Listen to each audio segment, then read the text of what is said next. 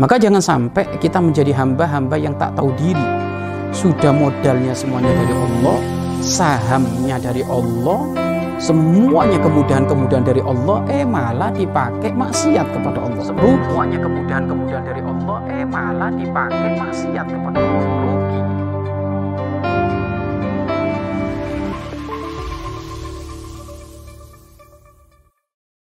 Bismillahirrahmanirrahim. Assalamualaikum warahmatullahi wabarakatuh.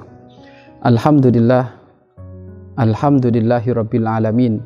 Nasta'inu ala umuri dunya waddin. Wa sallallahu wa sallama ala imamil mursalin habibir rabbil alamin. Sayyidina wa maulana Muhammad sallallahu alaihi wasallam wa ala alihi wa ashabihi wa tabi'ina lahum bi ihsanin ila yaumiddin amma ba'd. Pemirsa yang dimuliakan oleh Allah Subhanahu wa taala. Berbaik prasangka kepada Allah dan berbaik prasangka dengan sesama. Ini adalah hal yang penting di dalam kehidupan kita.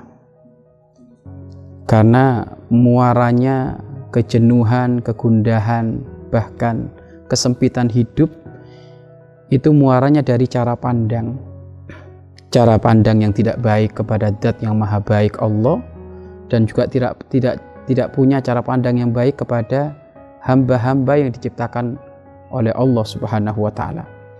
Maka tentu kita harus menyempurnakan aktivitas kedekatan kita kepada Allah dan aktivitas kedekatan kita dengan sesama manusia.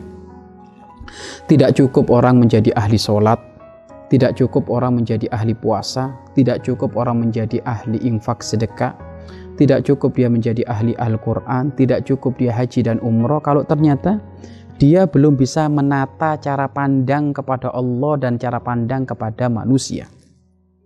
Bahkan kalau orang berada di wilayah keterpurukan cara pandang atau jelek prasangka kepada Allah dan kepada sesama manusia, ini termasuk adalah kegagalan di dalam dia beribadah kepada Allah dan kegagalan dia di dalam di dalam menjalin komunikasi dengan sesama manusia. Bukankah kalau kita kembali kepada ajaran baginda Nabi Muhammad SAW, ajaran dari guru-guru mulia para ulama soleh, beliau saja ketemu dengan orang jahat, beliau masih baik prasangka. Bagaimana sikap yang diajarkan oleh Rasulullah SAW di saat bertemu dengan Abu Jahal, di saat bertemu dengan Abu Lahab, di saat bertemu dengan orang yang membenci beliau, begitu beliau menjaga hatinya untuk tidak bermacam-macam menduga sampai pada derajat jelek prasangka. Padahal kita tahu Abu Jahal seperti apa. Apa yang diinginkan Abu Jahal kepada Nabi Muhammad? Tentu yang diinginkan Abu Jahal adalah kerusakan Nabi Muhammad, kebinasakan dakwanya Nabi Muhammad. Akan tetapi di saat Abu Jahal datang di hadapan Rasulullah, maka Rasulullah berharap barangkali setelah ini Abu Jahal akan masuk Islam. Barangkali setelah ini Abu Jahal baik. Barangkali setelah ini Abu Jahal berubah. Maka ini cara pandang yang harus dimiliki oleh umatnya Nabi Muhammad SAW. Cara pandang baik prasangka. Kemudian dibalik kita menata hati kita untuk senantiasa baik prasangka, setidaknya dari situ akan ada hikmah-hikmah yang bisa kita petik. Kalau kita baik prasangka kepada Allah, setidaknya ada beberapa hikmah yang kita petik, di antaranya satu, dengan kau baik prasangka kepada Allah, maka imanmu sempurna kepada Allah. Karena memang Allah adalah dat yang maha sempurna. Maka kesempurnaan seorang hamba di saat dia beribadah kepada Allah, beriman kepada Allah, kalau dia baik prasangka kepada Allah. Maka Allah Subhanahu wa taala menyebutkan dalam sebuah hadits qudsi ana inda dhonni abdibi. Aku tergantung prasangka hambaku kepada diriku. Kalau hambaku berprasangka baik akan terwujud kebaikan dan sungguh Allah Subhanahu wa taala kepada hamba-hambanya menginginkan kemuliaan, menginginkan kebaikan. Maka baik prasangka kepada Allah akan menumbuhkan hikmah apa imanmu sempurna.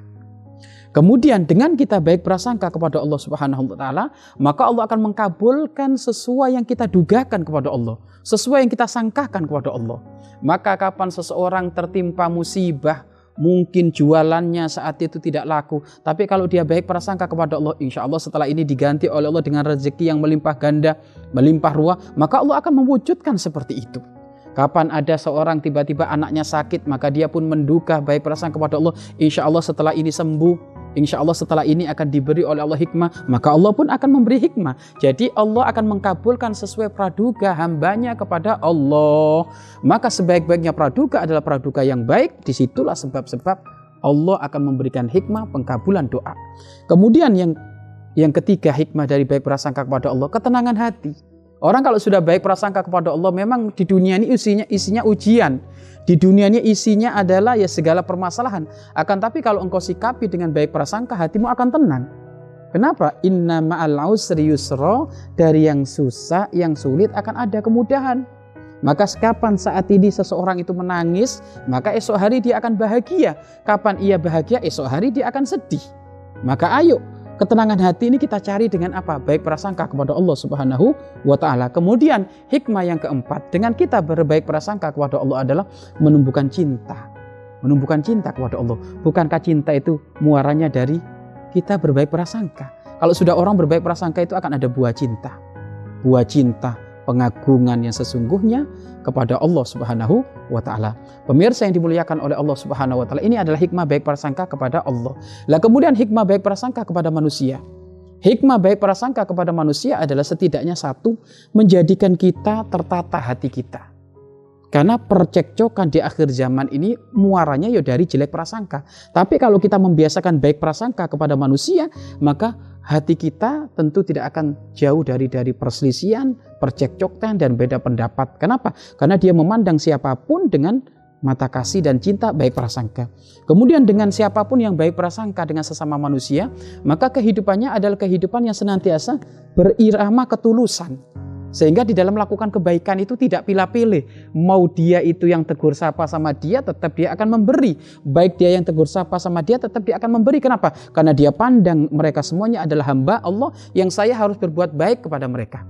Yang kita harus berbaik prasangka kepada mereka, maka akan muncul sifat ketulusan, perilaku ketulusan untuk memuliakan siapa pun. Kenapa ada orang kok membeda-bedakan di dalam di dalam memuliakan? Kalau ada orang pakai mobil dihormat, lebih. Kalau orang pakai becak hormatnya adalah tidak selebih orang yang naik mobil. Loh, perbedaan seperti ini muaranya dari cara pandang hati kita. Kalau kita melihat orang yang berduit, oh husnudonnya gede. Kalau kita kita kita melihat orang yang becak ternyata saat itu husnudonnya ternyata berbeda. Lah, perbedaan seperti ini akan nampak kepada perilaku di dalam penyambutan sehingga dia tidak tulus lagi. Bukankah orang yang tulus itu mau yang datang presiden, mau yang datang Pak Menteri, yang mau datang orang awam, yang mau datang petani, mereka semuanya adalah tamu Allah. Wajib kita menghormat. Karena yang menghormat tamu Allah adalah tanda kesempurnaan iman. Maka dengan engkau baik prasangka dengan sesama akan muncul perilaku yang tulus. Perilaku yang mulia yang tulus. Kemudian dengan kita berbaik prasangka dengan sesama manusia, maka di sini akan menjadikan engkau di dalam aktivitas dengan sesama manusia semangat. Semangat. Karena ada orang itu di saat menemukan ada muamalah dengan seorang yang lain itu ada ada kejenuhan, ada bosan, bahkan ada rasa males. Tetapi orang yang senantiasa baik prasangka, maka aktivitasnya dengan sesama semangat. Kenapa? Karena ia menemukan dia adalah orang baik. Dia menduga dianya baik temannya.